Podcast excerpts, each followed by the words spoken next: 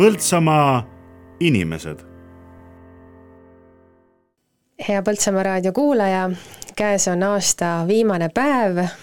Põltsamaa inimeste saade on eetris, mina olen saatejuht Eeva Nõmme ja olen omale teisele poole lauda palunud külaliseks Põltsamaa kangrukoja perenaise, rahvusliku käsitöö edasikandja, taaskasutuse entusiasti vallavalitsuse liikme, kultuurikomisjoni liikme, üle-eestilise Rahvakultuuri ja Käsitöö Liidu Kanga Kudujate Alaliidu juhi, Põltsamaa hooldekodu majandusjuhataja ja nii võiks neid tiitleid lugema jäädagi.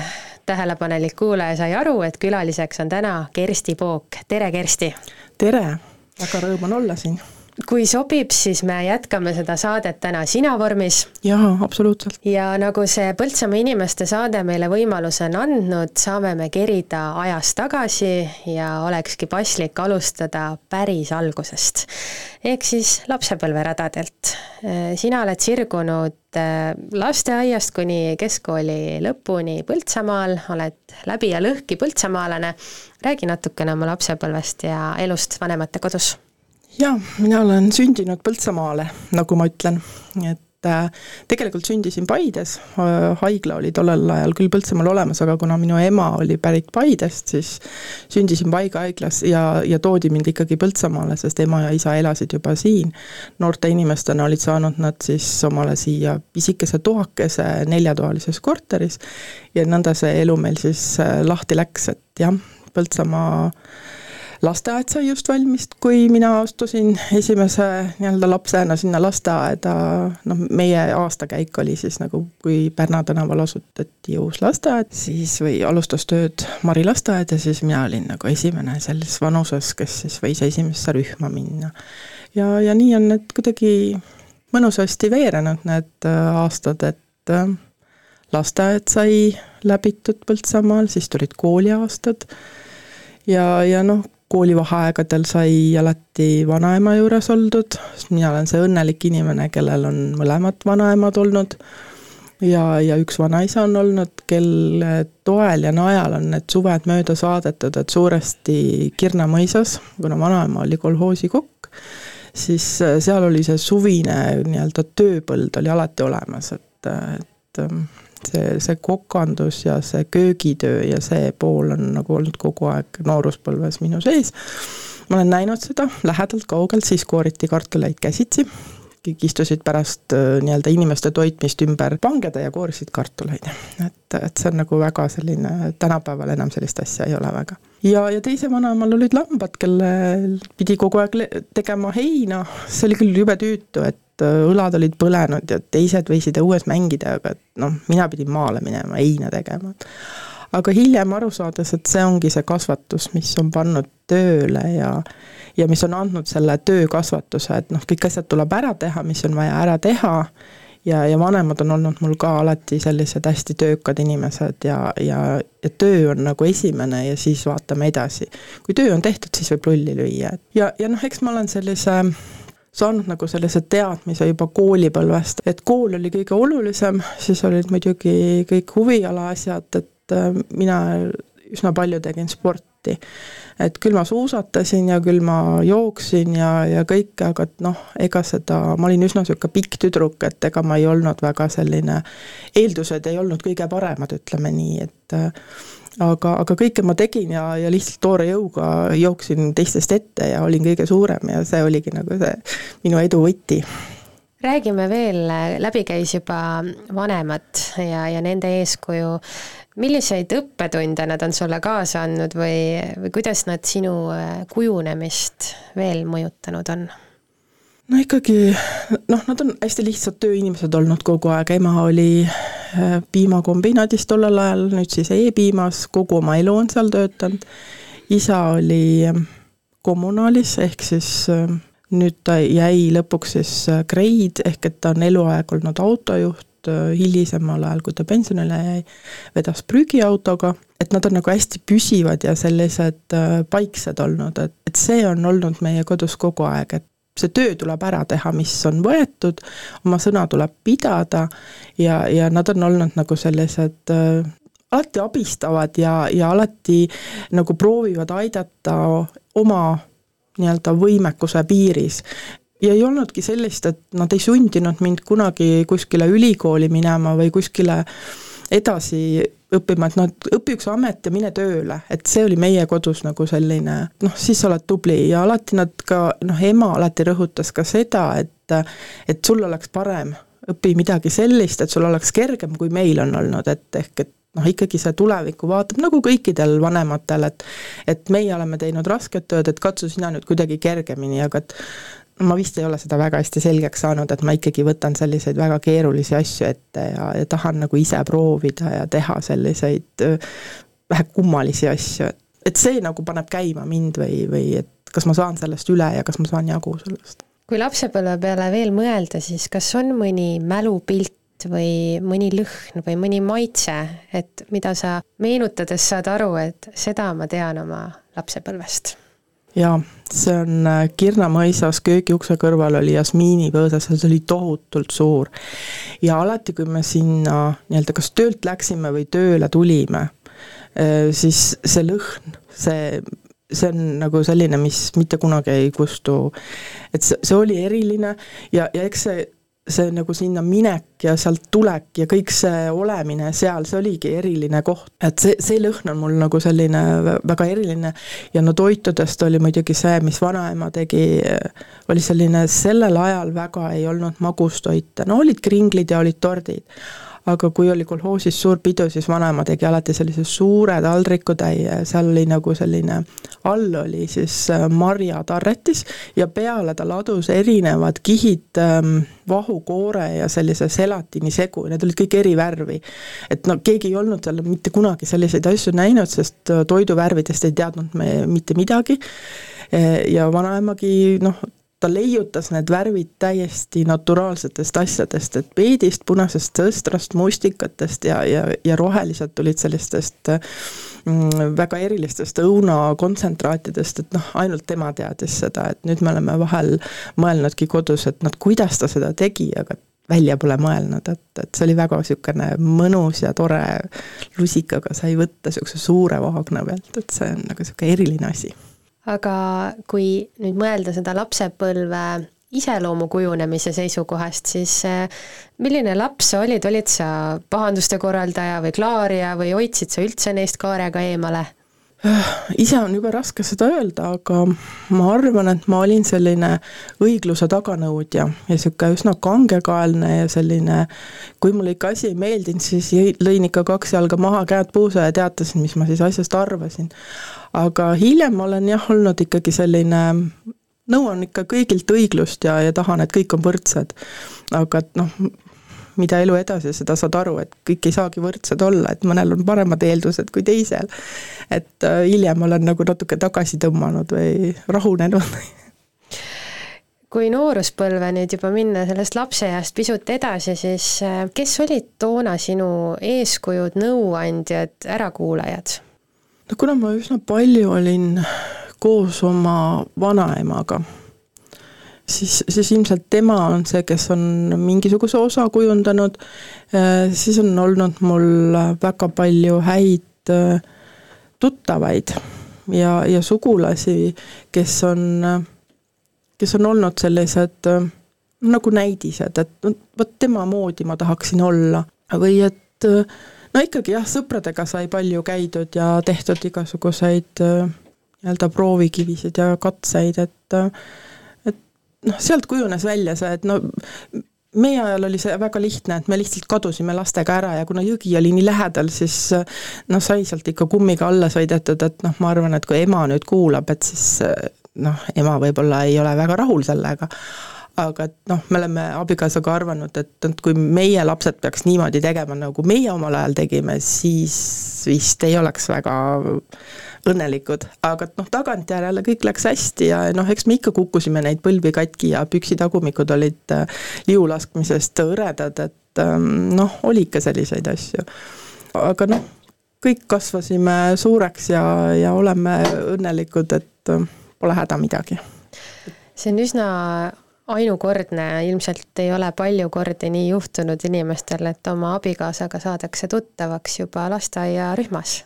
Nojah, meil juhtus nii nii et kogu elu peaaegu olete te koos sirgunud? jah, me oleme ikka külg külje kõrval olnud, et kas me, jah, alguses me ju ei mõelnud selle peale, et see tuli hoopis-hoopis hiljem, et me käisime koos, alustasime lasteaiast, käisime koos koolis ja, ja siis läksid nagu peale gümnaasiumit läksid meie teed mõneks aastaks lahku ja, ja seejärel jälle uuesti neli aastat pärast äh, gümnaasiumi siis saime jälle kokku, et siis otsustasime, et noh, lähme siis jälle koos. kelleks äh, väikse lapsena tulevikust unistav Kersti saada tahtis? ma ei oskagi öelda, et siis oli nagu see, et et õpiks amet ja, ja et see oleks nagu kerge ja lihtne, noh, eks ma jah, tahtsin saada õpetajaks, aga ma natuke pelgasin või kartsin, et kas minust on nagu hea õpetaja saada, ja siis ma nagu ei mõelnud sellest, et ma peaks ülikooli minema, et, et tuli minna lihtsalt ametit õppima ja, ja ma läksin tollel korral kergetööstustehnikumi ja siis võeti esimest aastat vastu tööõpetusõpetajaid. ja tegin sisseastumiskatsed, aga noh, sinna ma ei pääsenud, kuna ja tollel ajal jah, see joonistamisoskus ei olnud nii hea või olid teised lihtsalt veel paremad. Ja, ja siis ma jäin joone alla sinna, mõned äh, olid minu ees ja, ja ma jäin ikkagi sinna üsna taha. ja siis pakuti mulle, et hakata ära, päris ära mine, et äh, meil on siin konstruktorid ja modelleerijad, et kas sa tahaksid äkki tulla, et noh, tule ikkagi kooli ja ja nõnda ma siis läksingi rõivaste konstrueerimist, modelleerimist õppima, et õppisin seal oma kaks aastat ära ja siis lõpetasin kiitusega selle ja siis pakuti, et kas sa tahaksid minna, tollel ajal oli Tallinna Tehnikaülikool ehk et äh, tippi ja siis ma võtsin selle vastu rõõmsalt, et noh, mis see siis ära ei ole, et kiitusega lõpetan, noh, peaks sisse küll saama. no sisse sain väga hästi, aga et seal see sees püsimine oli ikka väga keeruline, see keemiateaduskond oli ikka väga keeruline. mis see tipi eriala siis oli? Äh, see oligi tekstiili eriala, aga tollel ajal oli ta keemiateaduskonna all ja oligi tekstiil et sealt tulid siis edasi polümerid, ehk siis materjaliteadus ja kõik sellised, ta õppis samal ajal puidutehnoloogiat, et nii ta siis kuidagi jooksis, et ega mul väga suurt sellist sihti ei olnud, et kelleks saada. et noh, kooli ja siis tuli õppida ja ja siis kuidagi juhtus nõnda, et äh, Sangar otsis endale meistrit, kes õmbleb meestele särke. tollel ajal oli ta väga suur ja, ja selline kuulus tehas, et, et seal oli palju naisi tööl ja kutsus mind, et tule meistriks. et kui mina olin praktikal, siis et, et sa saad ju kaugõppes ka õppida seda materjalitehnoloogiat, no eks ma lasingi ära rääkida ennast, kui ikkagi suure tehase direktor tuleb ja räägib sulle, et tule meile meistriks, noor inimene, no muidugi jah, ei julgenud ei öelda. Ja nii ma olingi, siis aasta olin Sangaris äh, meistriks ja kas siis ma sain aru, et see ei ole ikka see, et kui abikaasa on äh, Tallinnas ja mina siis pean käima siin Tartu ja Põltsamaa vahet, et äh, et ei, nii ei lähe ja siis äh, kuna ma jah, otsustasin, et ei, et üheksakümne neljandal aastal oli majandus väga kuum teema, et noh, on vaja ikkagist raha lugeda. no ja nii siis mõeldud-tehtud läksingi raamatupidamist õppima. sain raamatupidajaks, õppisin oma kaks ja pool aastat ära ja ja siis ma töötasingi raamatupidajana. me jõuame nüüd õige pea äh, nende nii-öelda kujunemisaastate ja tööaastateni veelgi, aga kuulame siia vahepeale tänase saate esimese muusikapala. kõik need muusikapalad oled valinud sellesse saatesse sina ise ja esimesena kuulame me Queen'i esituses laulu Don't stop me now. mis see laul meile räägib? no minu jaoks on see nagu selline nooruspõlve uljus ja, ja selline tore lugu, et et ah, ma võin kõike teha, et kõik ongi nagu tore ja, ja ärge peatage mind, et laske mul teha. ja tegelikult kõigil võiks olla see võimalus teha. Tonight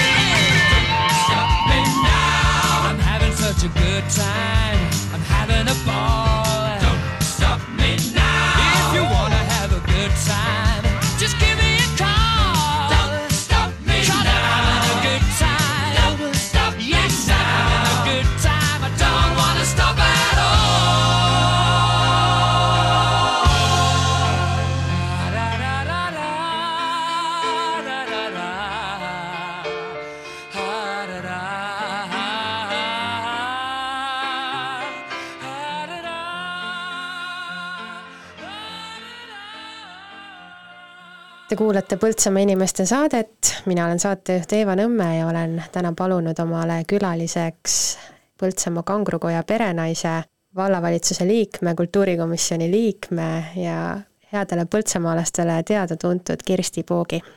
saate esimeses osas me jõudsime vestelda lapsepõlvest ja sellest, kuidas äh, viisid valikud kõrgkoolidesse ja jäi meil jutt pidama raamatupidajaks õppimise teemadel ehk siis numbrid võlusid sind niivõrd, et äh, omandasid ka selle ameti ja noh, sa kirjeldasid, et äh, üheksakümne neljandal aastal numbrid olid väga põnevad ja, ja see aeg oli selline, kui sa selle ameti omale omandasid äh, ja nüüd tagasi sellele vaatad, sai see valik õigesti langetatud? ma arvan küll, sest eks see rõivaste modelleerimine, konstrueerimine ongi tegelikult ju matemaatika et äh, kustpoolt kuhu poole ja kõik on ju numbrid sul ees, et äh, seal loominguga suurt midagi noh, on muidugi teha, aga esmatähtis on ikkagi, et sa oskad arvutada ja, ja sa näed nagu seda numbrit. Ja kuna numbrid on mulle väga hästi meelde jäänud, et kui tänaval käies autonumbreid äh, ma tean juba nii-öelda silmamälust, et ahah, see on see, see on see, see on selle oma, ja mul nagu numbrite peale on olnud niisugune noh, oma, oma selline side. ja raamatupidamises on ka see, et kui sa tead, kuidas, no mina õppisin veel sellel ajal, kui tehti nii-öelda lennukeid, ehk et kontod olid lennukites, debet ja kreedit pool, ei olnud raamatupidamine kõik arvutis, et noh, see on ikkagist jäänud nii, et kõik peab kokku minema. ja hiljem tulid Exceli tabelid, muidugi need on lihtsustanud suuresti ja no täna on juba raamatupidamisprogrammid, mida ma kasutan, et et need on ikka oluliselt, oluliselt lihtsamaks teinud elu. aga matemaatika on äh, kõige alus. Äh, ma ei taha öelda, et kes ei, ei taha midagi kuulda matemaatikast, et need on nüüd kuidagi kehvemad või halvemad, et nad ei saaks hakkama, aga aga see on lihtsalt minu selline omapära, et, et mulle meeldib see. et ja, ja üheksakümne neljandal oli see, et kui Eesti hakkas alles minema oma suunda, et, et siis oli raamatupidajaid ja selliseid äh, rahandusmaailmas, mäletan, sõbranna läks panka tööle, et et noh, temal oli kohe see, et oi, nüüd ma hakkan elama. aga tegelikult oligi see, et ega, ega kõik me arene-, arenesime, et äh, et see ei olnud üldse tähtis, kuhu keegi tööle läks, aga et just see, et sa õppisid ameti ja seal, see oli nagu justkui tulus. ja, ja tegelikult on ta täna toonud mind siia, et mul on olemas nii-öelda õmblemise haridus, mul on olemas majandusharidus ja, ja, ja nüüd lõpuks on mul ka veel käsitööharidus, et äh, kõik see, mida sa elu jooksul õpid, äh, ühel hetkel tuleb sulle nagu kõik kokku, et see ongi sinu elu ja see ongi sinu vajadus olnud, et mida sa oled õppinud, et äh, mulle tundub, et kõik need otsad hakkavad või pusletükid hakkavad kuidagi nagu liituma ja hakkab niisugune tervikpilt tekkima, et et see, et sa pead pool sajandit ära elama, et aru saada, mis pilt sellest välja võib tulla, et äh, me räägime sellest käsitöö poolest ka veel, aga kuulates sind ja seda kirjeldust, siis kas see majandusharidus või, või äh, numbritest lugupidamine on ka sind loonud selliseks kahe jalaga maa peal olijaks, sest et noh, muus osas, kui rääkida lihtsalt kunstist ja kõigest mm -hmm. sellest, on ju võimalus, et, et looming läheb enne ees ja, ja see nii-öelda kahe jalaga maa peal olek, kui nüüd olla selline ebaõiglane või kuidagi stereotüüpne, et see võib jääda nagu teisejärguliseks ei, ikka alati on see, et numbrid ei valeta. et kui sa paned Exceli tabeli kokku ja vaatad äh, tulu ja kulu, siis äh, noh, sa, sa ei saa vahet teha. et kui ikkagi sul äh, tulu on väike, kulu, kulu on suurem, siis noh, siis seda asja ei saa nii teha, et siis tuleb mõelda midagi muud. ehk et noh, see arvutamine seda ja teistpidi on ikka kogu aeg käinud. ja noh, see looming sinna juurde ongi selline nagu teise, teine pool sellest asjast, et üks on selline kahe jalaga maa peal ja teine on see, et laske mul nüüd lennata et äh, aga need omavahel jah, peavad kokku klappima. Või noh, minu puhul peavad, võib-olla mõne teise puhul ei pea, et ta on leidnud omale teistsuguse inimese vastu, kes oskab tema numbrid kõik kokku liita ja ta ei pea ise seda tegema, et ähm, noh, täna öeldakse ka looming, loomeinimestele, et äh, raamatupidamine on imelihtne. noh, minu jaoks ta ongi lihtne, aga teisalt jälle loomeinimene ütleb, et see on keeruline, et see on väga erinev inimest pidi sinu ja abikaasa Guido peres sirgub kolm last, Anett, Iiris ja Georg. ja Anett ja Iiris on juba saanud niisugust ülikooli eh, elu ja, ja seda aega nagu ka tunda, eh, Georg veel mitte. kuidas sa emana enda kogemust ja nüüd nende olekut, eh, neid ajastuid nagu võrdled? sinu enda õpinguaastad ja nüüd see tänane päev, et millised need ajad kui, kui saab neid üldse selliselt võrrelda, et äh, kuidas sa näed emana seda tänast päeva ja, ja mõtled tagasi ajale, kui olid ise nende eas? tegelikult jube põnev on praegu, ma tahaks praegu veel ülikoolis käia. Aga noh, selles mõttes meil oli nagu selline omamoodi või, või no ei olnud võimalusi nii palju, kui täna saame pakkuda oma lastele, aga meil ei olnud ka halb, meil oli väga hea ja, ja jälle omamoodi hea, sest noh, siis olid kõik sellises samas Äh, olukorras, et kõik alustasid, see Eesti riik alles algas ja, ja kõik olid nagu sellises stardivalmis ja kõik olid ühe joone taga, et kõigil oli võimalus minna. täna on nagu selline, noortel on neid võimalusi täpselt sama palju ja, ja maailm on võib-olla pisut avatum, meie veel väga ei julgenud minna, et me siin mõni päev tagasi arutasime ka abikaasaga, et kas meie oleks läinud niimoodi välismaale lihtsalt äh, kas reisima või, või õppima või tööle, et ähm, ei, vist ei oleks, me olime väga sellised äh, kokkuhoidvad, et äh, ikka Eesti on nagu see koht, et siin on praegu jube põnev ja jube tore on siin Eestis olla, et ei, praegu ei lähe. Ja noh, mingil ajal siis hiljem tuli see, kui lapsed hakkasid äh, tulema, et, et noh kas, kas nüüd abikaasa peaks välismaale tööle minema. et oli meil ka selliseid asju, aga siis me otsustasime, et ei, et äh, me kasvatame oma lapsed koos, ükskõik, kas on siis nii-öelda rohkema rahaga või vähema rahaga, aga et äh, et mina ei olnud nõus üksipäini maja ja kõiki lapsi ja kõiki asju toimetama, et kui abikaasa on tööl kuskil välismaal. ja siis saigi see otsus tehtud, et ei, me ei lähe mitte kuhugi. et me teeme nii, et me oleme koos ja ja nii on nad kasvanudki, et ma arvan, et neil on väga head võimalused praegu, et et nad on rahul sellega, mis nad on, õpivad, noh, üks on õppinud ja teine õpib veel, et ja noh, ma ei tea nüüd, eks Georg ise otsustab, et me oleme lubanud lastel kõigil ise otsustada, et me ei ole neid suunanud ega käskinud ega keelanud, aga tundub, et vist ka tahab Tehnikaülikooli, et, et see on nagu selline meie noh, meie moodi, ütleme nii me jõuame jutujärjega nüüd ühe väga olulise valdkonnani, milleks on äh, käsitöö. sa oled omandanud äh, selles ka kõrghariduse, nii nagu sa enne nimetasid Viljandi Kultuuriakadeemias rahvusliku tekstiili erialal mm. -hmm. ja see aasta jääb kindlasti paljudele põltsamaalastele meelde ka sellega, et Põltsamaa kirik sai uued vaipkatted. see on sinu käsitöö, sinu töö ja pingutus. kui suur selline ettevõtmine üldse on?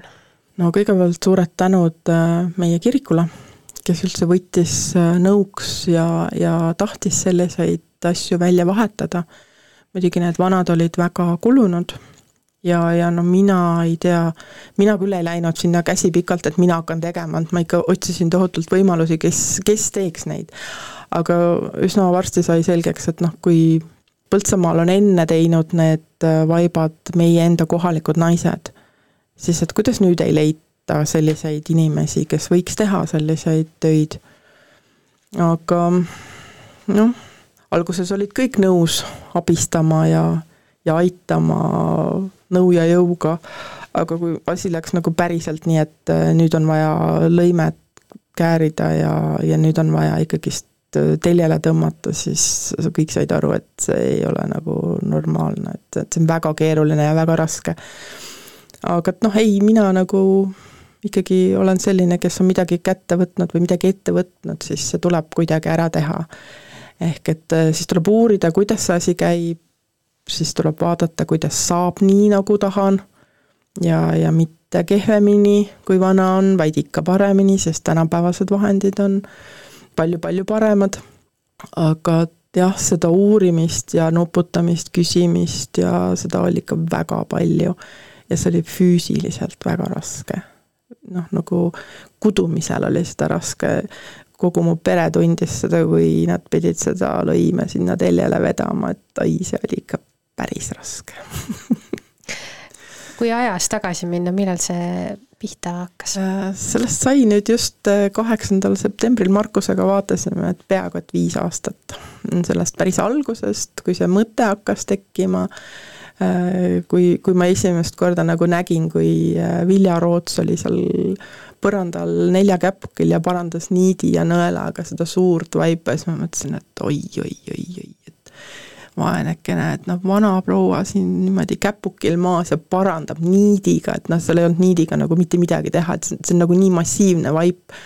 Aga ta lihtsalt pidurdas seda lagunemise protsessi ja, ja siis noh, me rääkisime temaga ja ta ütles, et jaa, et aga ta teab, et see on katki, aga et no ma ikka kuidagi proovin seda parandada ja, ja siis, et aga et noh, kirikul ei ole ju raha, et kuidas me saame selle, et ma ütlesin, et ma ei, mina ei, mina ka ei tea, kes selle teeb või kuidas me saame, aga et no ja siis olid head inimesed, muidugi hästi palju abi on kontsertidest, mis on Aivar Kokk korraldanud, ja, ja raha kogumised ja kõik sellised asjad, et kirik ostis materjalid kui palju sellise, selliste vaipade tegemiseks üldse materjali kogu, äh, läheb? Äh, selle suure vaiba nii-öelda kaalu ma lõin kokku, kuna meil oli vaja ta ikkagi sealt äh, kangurkojast välja vedada, siis ma arvutasin kokku, see oli kuskil üle kolmesaja kilo, ehk et neli meest tassisid seda, ma, ma tegin nagu spetsiaalse, lasin õigemini Kuidol teha sellise spetsiaalse rakendise, mille peale ma telje pealt selle sain ja siis äh, kaks meest eest ja kaks meest tagant sellise rauast südamiku peal, sellise telje peal siis vedasime ta välja ja siis ma arvutasin, et noh, et kas me üldse tõsta jõuame seda. ja siis jah, selgus nende materjalide kokkuostmise pealt, et ta jah, kolmsada kakskümmend kilo vist oli see. aga et neid ähm, äh, altarivaibad olid, äh, ma nüüd enam täpselt peast ei julge väita, aga et see oli üle viieteist kilo üks vaip, et, et nad, nad olid päris rasked jah, et ma pärast seda kudumist ütlesin Markusele ka, et ära mind kättpidi tereta, et äh, ei kannata aga noh, ei, kõik läheb mööda ja kõik on nagu selles mõttes on super hästi, et ma olen ise rahul, et selline asi, aga ega ta väga täpselt veel kohale pole jõudnud, millega sa oled nagu hakkama saanud, et et see, see on midagi sellist, mida ei tee oma jõu ja nõuga, et see on ikka kuskilt mujalt see abi tulnud ja see jõud ja see mõistus või mõtlemine, et ma ei oska seda seletada, aga ma arvan nii. mis on see midagi äh, rahvuslikus käsitöös ja mille edasikandja sina oled? mis sinu jaoks on äh, peidus selle kõige töö taga, mis sind motiveerib, mis annab sellele tegemisele tähenduse, mida sa selles näed?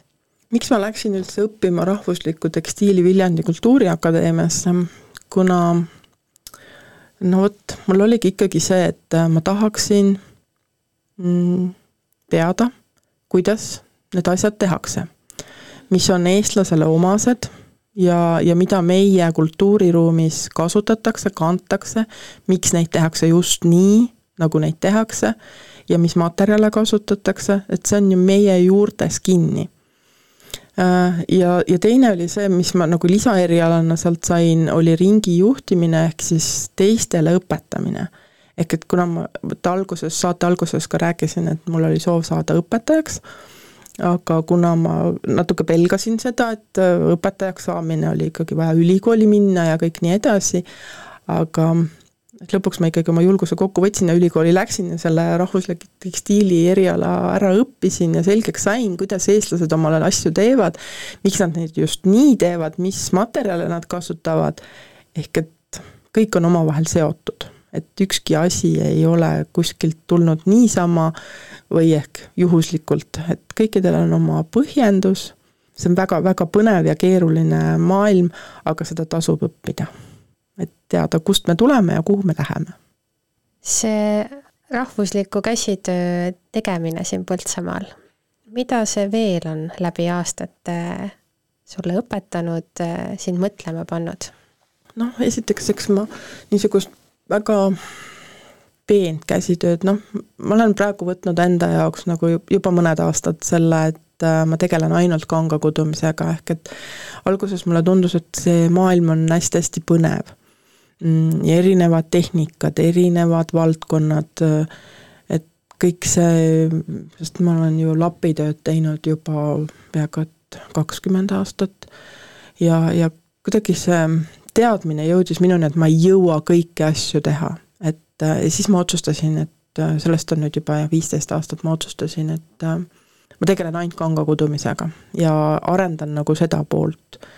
ehk et ma olengi jäänud nagu selle peale, et kanga kudumine on see, mis mulle kõige rohkem meeldib, seal on jällegi see numbrid, arvutamine, ehk et kõik lõimelõngad tuleb ära lugeda, kõik tuleb läbi toppida ükshaaval ehk et see on jälle matemaatika, et äh, hetkel mul on ka üks laps äh, nagu ringis, kes siis äh, tahab kanga kudumisega tegeleda ja siis tema on ka hästi tubli matemaatikas, hästi tubli.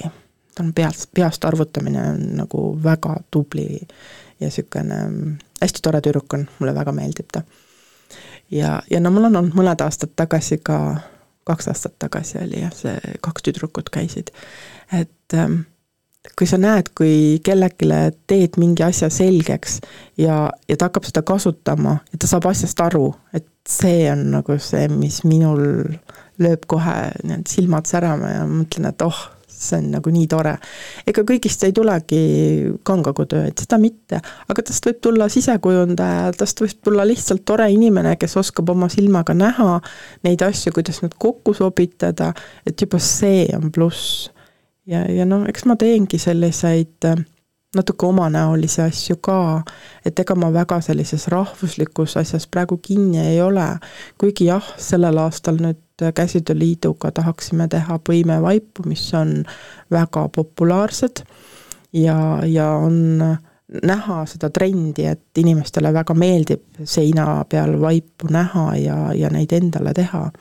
et on, on tulnud praegu sellist nagu kudujaskonda, kes on valmis selle raske töö ette võtma, see on üsna aeganõudev, sest see on kõik põimimine, punumine, et seal ei saa lipsati-lopsati kiiresti ruttu-ruttu mitte kuhugi, et see ongi nii, et ähm, nii nagu kirikuvaebagagi, et kakskümmend sentimeetrit päevas rohkem ei tohi ennast lõhkuda. et ma arvan, et see ongi see rahvuslik pool või see, et see käsitsi tegemise pool, ehk et käsikangast helgedele, et võiks ju teha masinaga ja võiks ju teha kõik lihtsalt kuskilt osta kangast, et, et seda on küll olnud, et tuleb inimene ja ütleb, et ma tahaksin seda kangast, aga kolm meetrit ja mm, no võiks olla kaks meetrit lai ka. ma ütlen, et aga et see on kangast helgedel kootud, et noh, et äh, siis, siis peab nagu rohkem raha välja käima, et sa võid ju poest osta endale sellise kanga. ise kudusite või? ma ütlesin, et jaa, jaa, ise kudusin loomulikult siis on nagu see, et äh, kui sa hakkad inimesega rääkima siin äh, Lossihoovis, on just see tore, et sa kohtud nagu selle inimesega, kes on huvitatud sellest, mida sa teed. et siis tal löövad ka silmad põlema, et päriselt teete ise, et, äh, et seda noh, ei ole väga tavaline, et, et lastakse nii-öelda oma töökotta, et näidatakse, mida sa teed ja, ja sulle seletatakse üksipulgi lahti, et tihti öeldaksegi, et see on nagu raketiteadus, et ma ei saanud mitte midagi aru, ma ütlesin, et jaa, aga mina ei saa ju ka aru, kui hambatehnik räägib mulle midagi, kuidas hambaid parandatakse või kui arvutiinsener räägib mulle, kuidas programme kirjutatakse, ma tõesti ei saa aru sellest. aga selleks ongi vaja see, et sa üksipulgi õpid omale selle asja ja nii on. See kogu käsitöö teema ei ole mitte ainult siin Põltsamaa pinnal või ainult Eestigi pinnal, sa oled äh, eest vedanud ka rahvusvaheliselt selliseid läbikäimisi või olnud vähemalt ise sellega kaasas, et käia ka Soomes vaatamas, kuidas äh, põhjanaabrid asju ajavad. ja sel nädalal Kultuurkapital premeeris üle-eestilise kangakujutujate infopäeva korralduse eest. mis on selles kogu käsitöö eestvedamises sellist, mis äh, vajab arutamist, läbikäimist, millest te seal räägite üldse? jah, no mina tegin otsa lahti sellega, et äh, Põltsamaal oli esimest korda nagu rahvusvaheline mõõde, kui me tegime Põltsamaal kangutöötajate infopäeva, see oli kaks tuhat kakskümmend üks ja ma kutsusin sõpruslinna, Põltsamaa sõpruslinna Kogemäe naised. Ehk et siis tekkis selline rahvusvaheline mõõde äh, sellele käsitööle ja üldse kanga kudumisele. Ja mõned aastad varem, äh, kaks tuhat üheksa, kuskil sinnakanti, äh, oli meil koostööprojekt samamoodi lätlaste ja soomlastega. ehk et see annab nagu sellise teadmise, et tegelikult nemad ju teevad ka, aga nende pilt on natuke teistsugune, nende nii-öelda Nende kultuur on natukene teistmoodi, natukene, vaibad on ikka nagu vaibad, aga nende pildimaailm ja kogu nende selline visuaal on natukene teistmoodi, nende värvikasutus on natukene teistmoodi. ja see ongi see, et sa näed seda pilti, mis on sinu naaberriikides olnud ja mis on sinul ja siis sa paned selle pildi kuidagi hästi raske on seda seletada, et, et kui sa näed kolme asja ja sa saad kohe aru, see on Eesti, see on Läti, see on Soome. et, et selleks ongi vaja nagu teha, näha ja, ja, ja käia läbi äh, inimestega, kes on mujalt. Et saad aru, et, et vot Eesti rahvusliku mustrid on sellised, soomlastel sellised ja, ja no tehnikad on täpselt samamoodi. et Eestis ei kasutatud väga selliseid tehnikuid, nagu kasutati Soomes. ja, ja Lätis on jälle teistmoodi tehnikad, kuigi kõik see kanga kudumine on ju praktiliselt sama, aga jah, niisugused pisikesed erandid. ja, ja see ikkagi annab nagu sellist uut jõudu ja energiat, et vot, nemad teevad, no meie ka teeme. ja nüüd, ähm, mis puutub siis sellesse, selle ma saingi siin mõni päev tagasi teada, et Kultuurkapital on ähm, tunnustanud mind äh, preemiaga, kuna ma viisin läbi selle aasta kangakodujate infopäeva Tartus äh, Tiigi seltsimajas ja, ja me tegime selle koostöös Käsitööliiduga, kuna käsitööliidul oli pealekasvuaasta ehk noortega koos. Ja, ja seal oli nagu väga uhke ja väga tore oli see, et noored olid ise teinud moekollektsiooni villasest lõngast kootud käsikangast telgedel, äh, terve kollektsioon siis rõivaid. Äh, ja, ja näha, kuidas noored näevad neid vanu tehnikaid uues, kuues, see on ikka väga, väga äge ja mulle hullult nagu meeldib ja ma mõtlen, et ah oh,, tahaks ise ka olla noor ja, ja teha nagu selliseid asju. mitte, et noh, ega keegi ju ei keela, ma võin ju teha seda, aga lihtsalt, praegu pole selleks aega ja, ja kõik sellised asjad, et noh, see on olnud ja nüüd tuleb midagi muud teha ja aga et see on nii vahva ja mulle, mulle see hirmsasti meeldib, et äh, nii-öelda organiseerida ja teha siis, kutsuda kokku selliseid põnevaid asju ja siis me käisime vaatamas ka Pallases, äh, kuidas nad seal töötavad oma töökodades ja, ja selliseid telgi, mida kodus mitte kunagi ei saa olema. et äh, seda silmaringi laiendada ka teistel kudujatel, kanga kudujatel just kas inimene, kes satub siia uude Põltsamaa lossikompleksi või uuendatud lossikompleksi, kas ta oskab käsitööd väärtustada, kuidas, kuidas sina seda näed? kas sa oled näinud ka läbi aastate mingisugust muutust?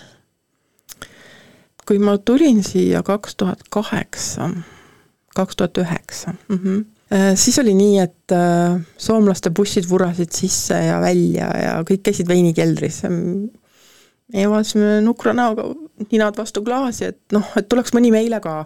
ja siis, kui nad juhtusidki meile tulema, siis oli pidu meie tänavas, et äh, nad väga hindasid seda käsitsi tehtud asja. see oli nende jaoks äh, sellel ajal väga odav ja, ja nad ostsid ikka nii, et äh, noh, me olime kõik rahul. me jõudsime oma asjad, kõik üürid ja asjad kõik ära maksta, et meil ei olnud nagu mingeid probleeme ähm, noh, aasta-aastalt noh, eks meil on siin selle ehituse ja kõige sellega olnud äh, palju nii-öelda tüli, ehk et pole saanud korralikult nii-öelda ennast näidata ja, ja üles, üles ehtida nii-öelda, aga aga ma arvan, et äh, nüüd selle aastaga inimesi käib palju, aga paljud tulevad vaatama ja uudistama seda lossi Eesti inimese jaoks on käsitöö juba see, et ah, see on käsitöö. ehk et kõik oskavad justkui ja osad inimesed, mulle tundub, võib-olla ma teen liiga, ma ei tea, tundub, et nad on väga pealiskaudsed. ehk et nende jaoks on see üks käsitöö kõik. Nad ei süvene, kus nad on või mis nad teevad, nad tulid lossi vaatama, selge, las nad vaatavad, väga tore, aga osad inimesed, kelle üle mul on nagu väga-väga hea meel, tulevad ja uudistavad, julgevad küsida, mis siin tehakse, mis siin on. et siis on nagu parem inimesega vestlusesse asuda ja talle selgitada, et kuhu ta on sattunud.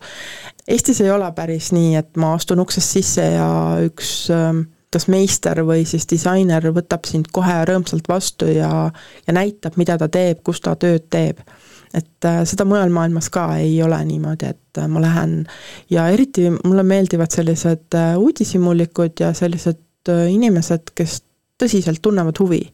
ja, ja nüüd viimane, mulle meeldis väga Kersti Kaljulaid, kes käis ülemöödunud aastal Põltsamaa lossihoovis ja ta oli väga osavõtlik. ta küsis väga täpsustavaid küsimusi ja ta oli väga selgelt aru saanud, miks ta seal on samamoodi oli nüüd, äh, käis ähm, proua Karis, mulle väga meeldis ta. ta, ta on väga selline uudishimulik ja küsib otse, et ähm, kas te päriselt ka nagu äh, jaksate teha nii palju, kui küsitakse ja, ja kõik sellised ähm, noh, ta saab aru, et see käsitöö väärtus on nagu päris suur, see aeg, mida sa panustad sinna käsitöösse, et kas see nagu väga odav ei ole, küsib mõne asja kohta, ma ütlen jah, aga et kui ostjat ei ole, siis ta lihtsalt seisab siin, et noh, see ka ei ole nagu väga mõistlik. et noh, sa peadki arvutama selle piirmäära, et noh, et mis on nagu mõistlik teha, ega kõiki asju ei olegi mõistlik teha müügiks.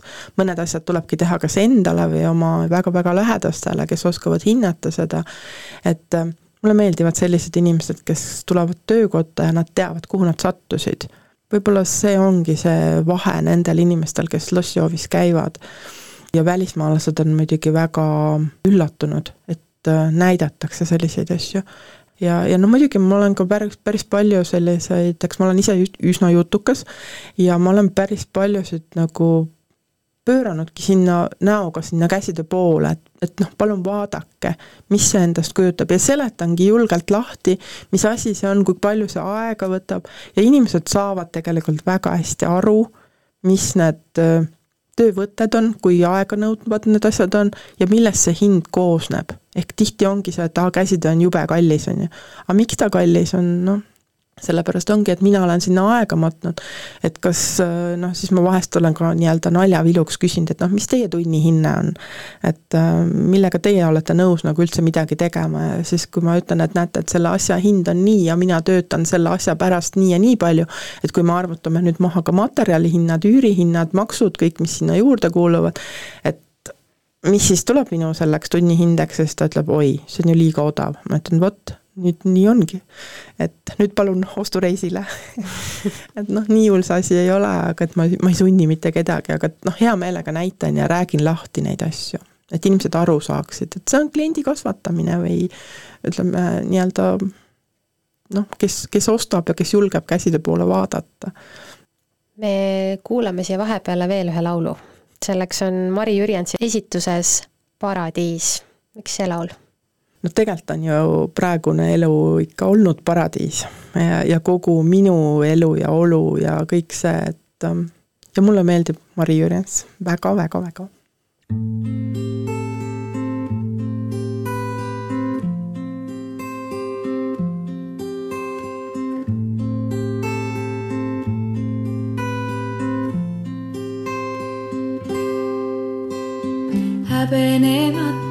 Kallistan päikest, suudlen sooja tuult, imetlen oma Eestimaad väikest, naeratus suul, kujutlen, kuidas mändide vahelt paistab merepiir.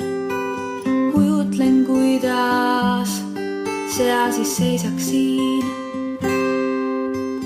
Häbenemata tunnen nii palju, palju mu sisse jääb.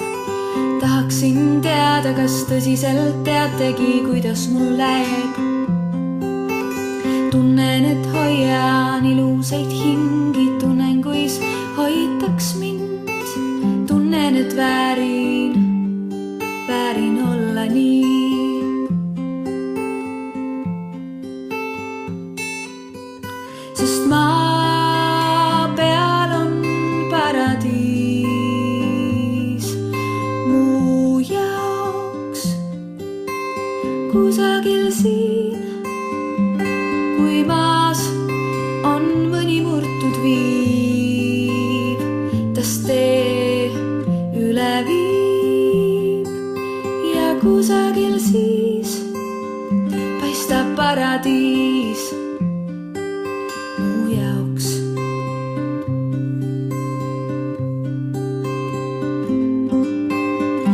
Andke mulle andeks, kui mõni sõna vahel vähem sai.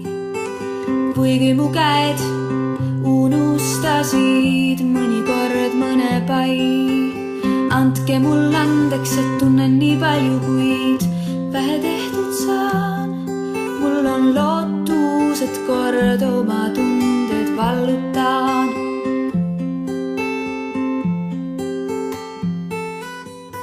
sest maa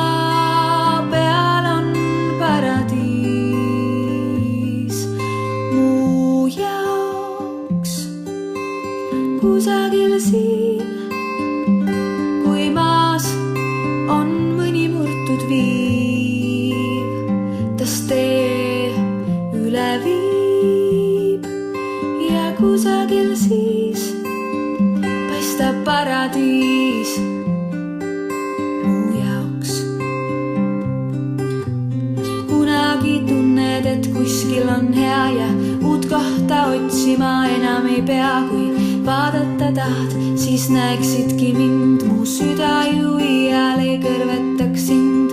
proovida võib, sest mu higine käsi olla võib päästja, kui elu on väsinud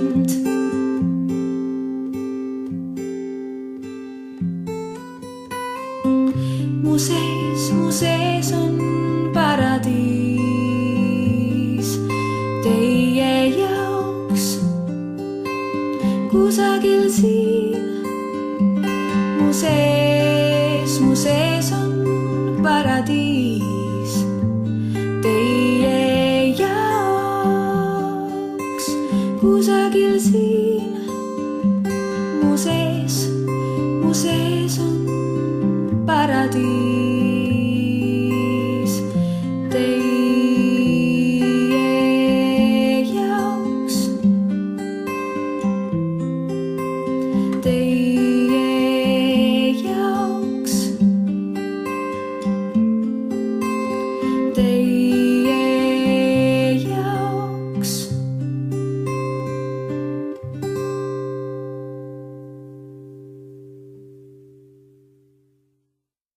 kuulate Põltsamaa inimeste saadet ja tänaseks saatekülaliseks on põltsamaalastele hästi tuntud käsitööinimene, vallavalitsuse liige, kultuurikomisjoni liige ja palju-palju veel teinud Kersti Pook. Kersti, selle aasta septembris sai sinust Põltsamaa vallavalitsuse liige.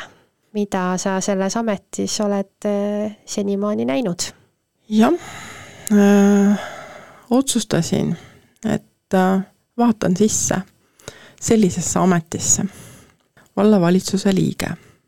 ega ma ei osanud sealt midagi nii-öelda väga-väga sellist põhjapanevat või et, et noh, minust nüüd tohutult abi seal on, aga ma tahtsin teada, kuidas need asjad käivad, nagu ikka, mina olen väga uudishimulik, mina tahan teada, kuidas need asjad tehakse, miks need asjad niimoodi tehakse.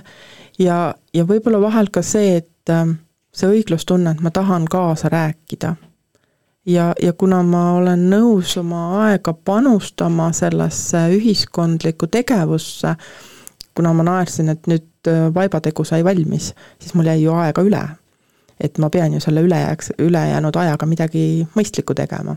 ehk et ma olen jah, selline üsna plaanija inimene, et ma teen oma käikudest ja päevadest üsna selged plaanid, et mida ma teen, mis ajal ma teen, kuidas ma teen ja nüüd, kui seal vallavalitsuses vaadatagi neid asju seestpoolt ehk köögi poolt, kuidas need asjad on sätitud, alguses oli muidugi väga võõras ja ega ma tänase päevani väga täpselt kõiki asju ei tea, aga minu asi on välja uurida ja küsida, kui ma ei tea. ja, ja, ja ma olen siiamaani väga nagu üllatunud, et äh, tehakse väga palju tööd et see on tegelikult väga suur töö, mis seespool ära tehakse, mida tavakodanik tegelikult ei näe. Minu arvamus on see, et võiks ikkagi rohkem rääkida ja näidata seda köögi poolt äh, ka valla kodanikule ja, ja noh, sellest päevast, kui ma siis nii-öelda jah-sõna ütlesin ja seal lau-, laua ümber koha sisse võtsin, ähm, mis oli minu jaoks nagu uudis või, või noh, mitte uudis, vaid selline arusaamine jõudis minuni, et mina olengi nüüd see, kelle käest saab küsida. ja ega see aeg ei lasknud oodata, sest nööpi keeravad ikka kõik, kui ma, ma olen üsna palju linnas nii-öelda nähtav või, või noh, lossihoovis siin ja, ja kodustes tingimustes ja, ja perekonnaringis, et ikkagi küsitakse päris palju seda, et äh, miks nii ja miks naa, miks on see lükkamata, miks see post on pikali, miks see on nii. Oota, mina ju täpselt ei tea, miks see nii on, aga oota, me saame seda järgi uurida, et miks meil lambid ei põle siin või seal et noh, see jõudis nagu see teadmine minuni, et tegelikult mina olen ka nüüd see vald. ja, ja kuidas nagu tavalisest vallakodanikust saab ühel hetkel vald, et tegelikult võiks iga inimene korraks mõelda selle peale, et et see inimene ongi tegelikult see, seesama vald, see vald koosnebki nendest samadest inimestest, aga osad on siis sellised inimesed, kes on nõus oma aega panustama ja osad siis, kes ei ole nõus seda aega panustama, ehk et tahavad lihtsalt tarbida seda hüve. ükskõik, kas see on siis majanduse poole pealt, kultuuri poole pealt, spordi poole pealt äh, või lihtsa halduse poole pealt, et äh, see on uus kogemus mulle me oleme erinevates Põltsamaa raadiosaadetes jõudnud uurida arvamust, et kuidas siis Põltsamaal läheb.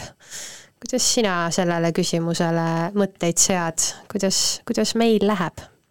ma arvan ja, ja mina näen seda nii see ei pruugi üldse teiste silmis nii olla, sest minu vaatenurk on just selline, nagu mul on.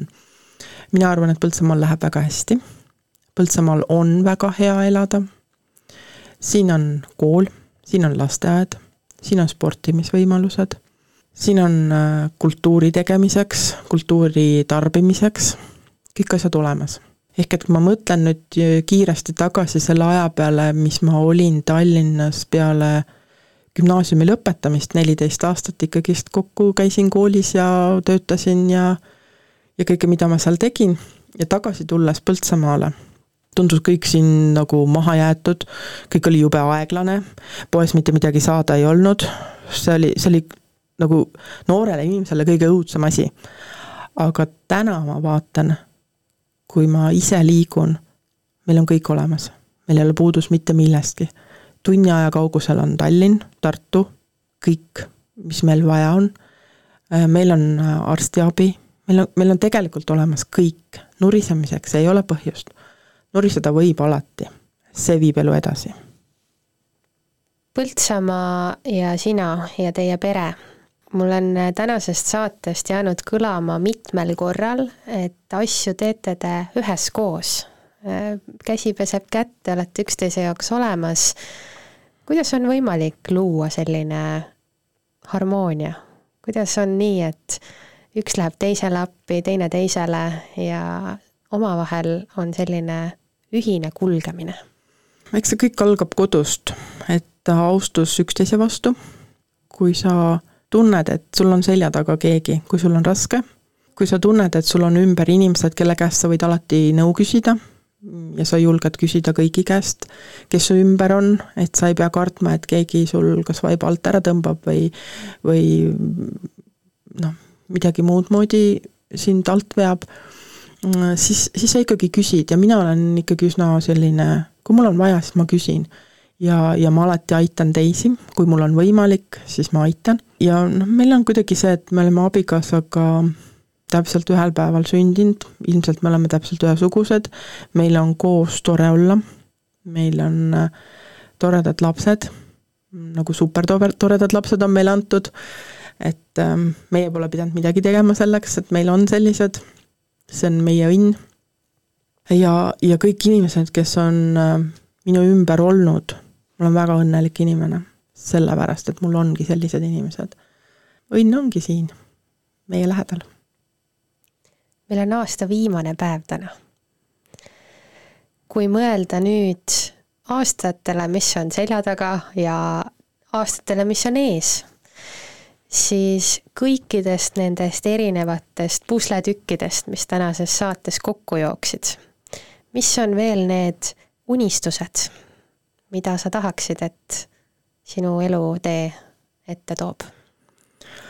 No ma ei tea, ma arvan, et see pilt ei ole veel kaugeltki koos, et äh, unistusi on väga palju.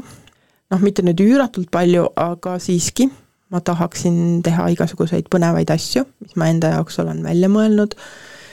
ja ega ma väga selline paigalpüsija ei ole, et ma ikkagi otsin ise neid väljakutseid ja põnevaid olukordi, ehk et äh, rahulikult äh, teha oma tööd, mida sa igapäevaselt teed, ja, ja minna sealt rahulikult edasi, mitte väga rapsides ja ikkagi eestlasena mõistlikult mõeldes ja, ja tasa ja targu, aga, aga paigal püsimist ma väga ei, ei salli, et ikkagist edasi ja rahulikult, mõeldes kaalutletult ja, ja ma arvan, et nii need pusletükid tulevadki meieni ja ja lõpuks siis, kui on vaja see nii-öelda raamatukaas kinni lüüa, et siis piltlikult ongi see tore pildiraamat olemas, mis äh, minust siis tegudena või mis iganes asjana maha jääb.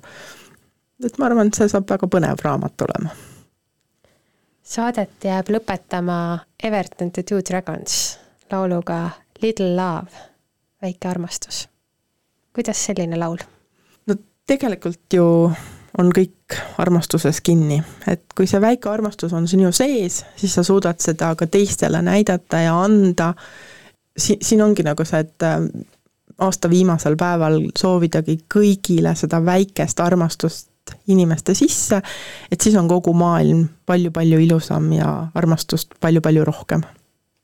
Te kuulasite Põltsamaa inimeste saadet, mina olen saatejuht Eeva Nõmme ja täna oli külas Kersti Pook, aitäh, Kersti! Aitäh ja ilusat aasta lõppu kõigile ja veel toredamat kohtumist uuel aastal!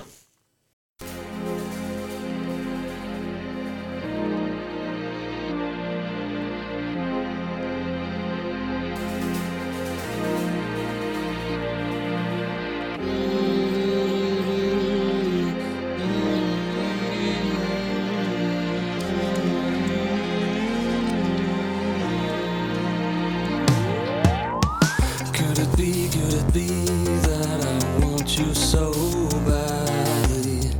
Could it be, could it be I've been lost for so long? Could it be that it's me who just gave in so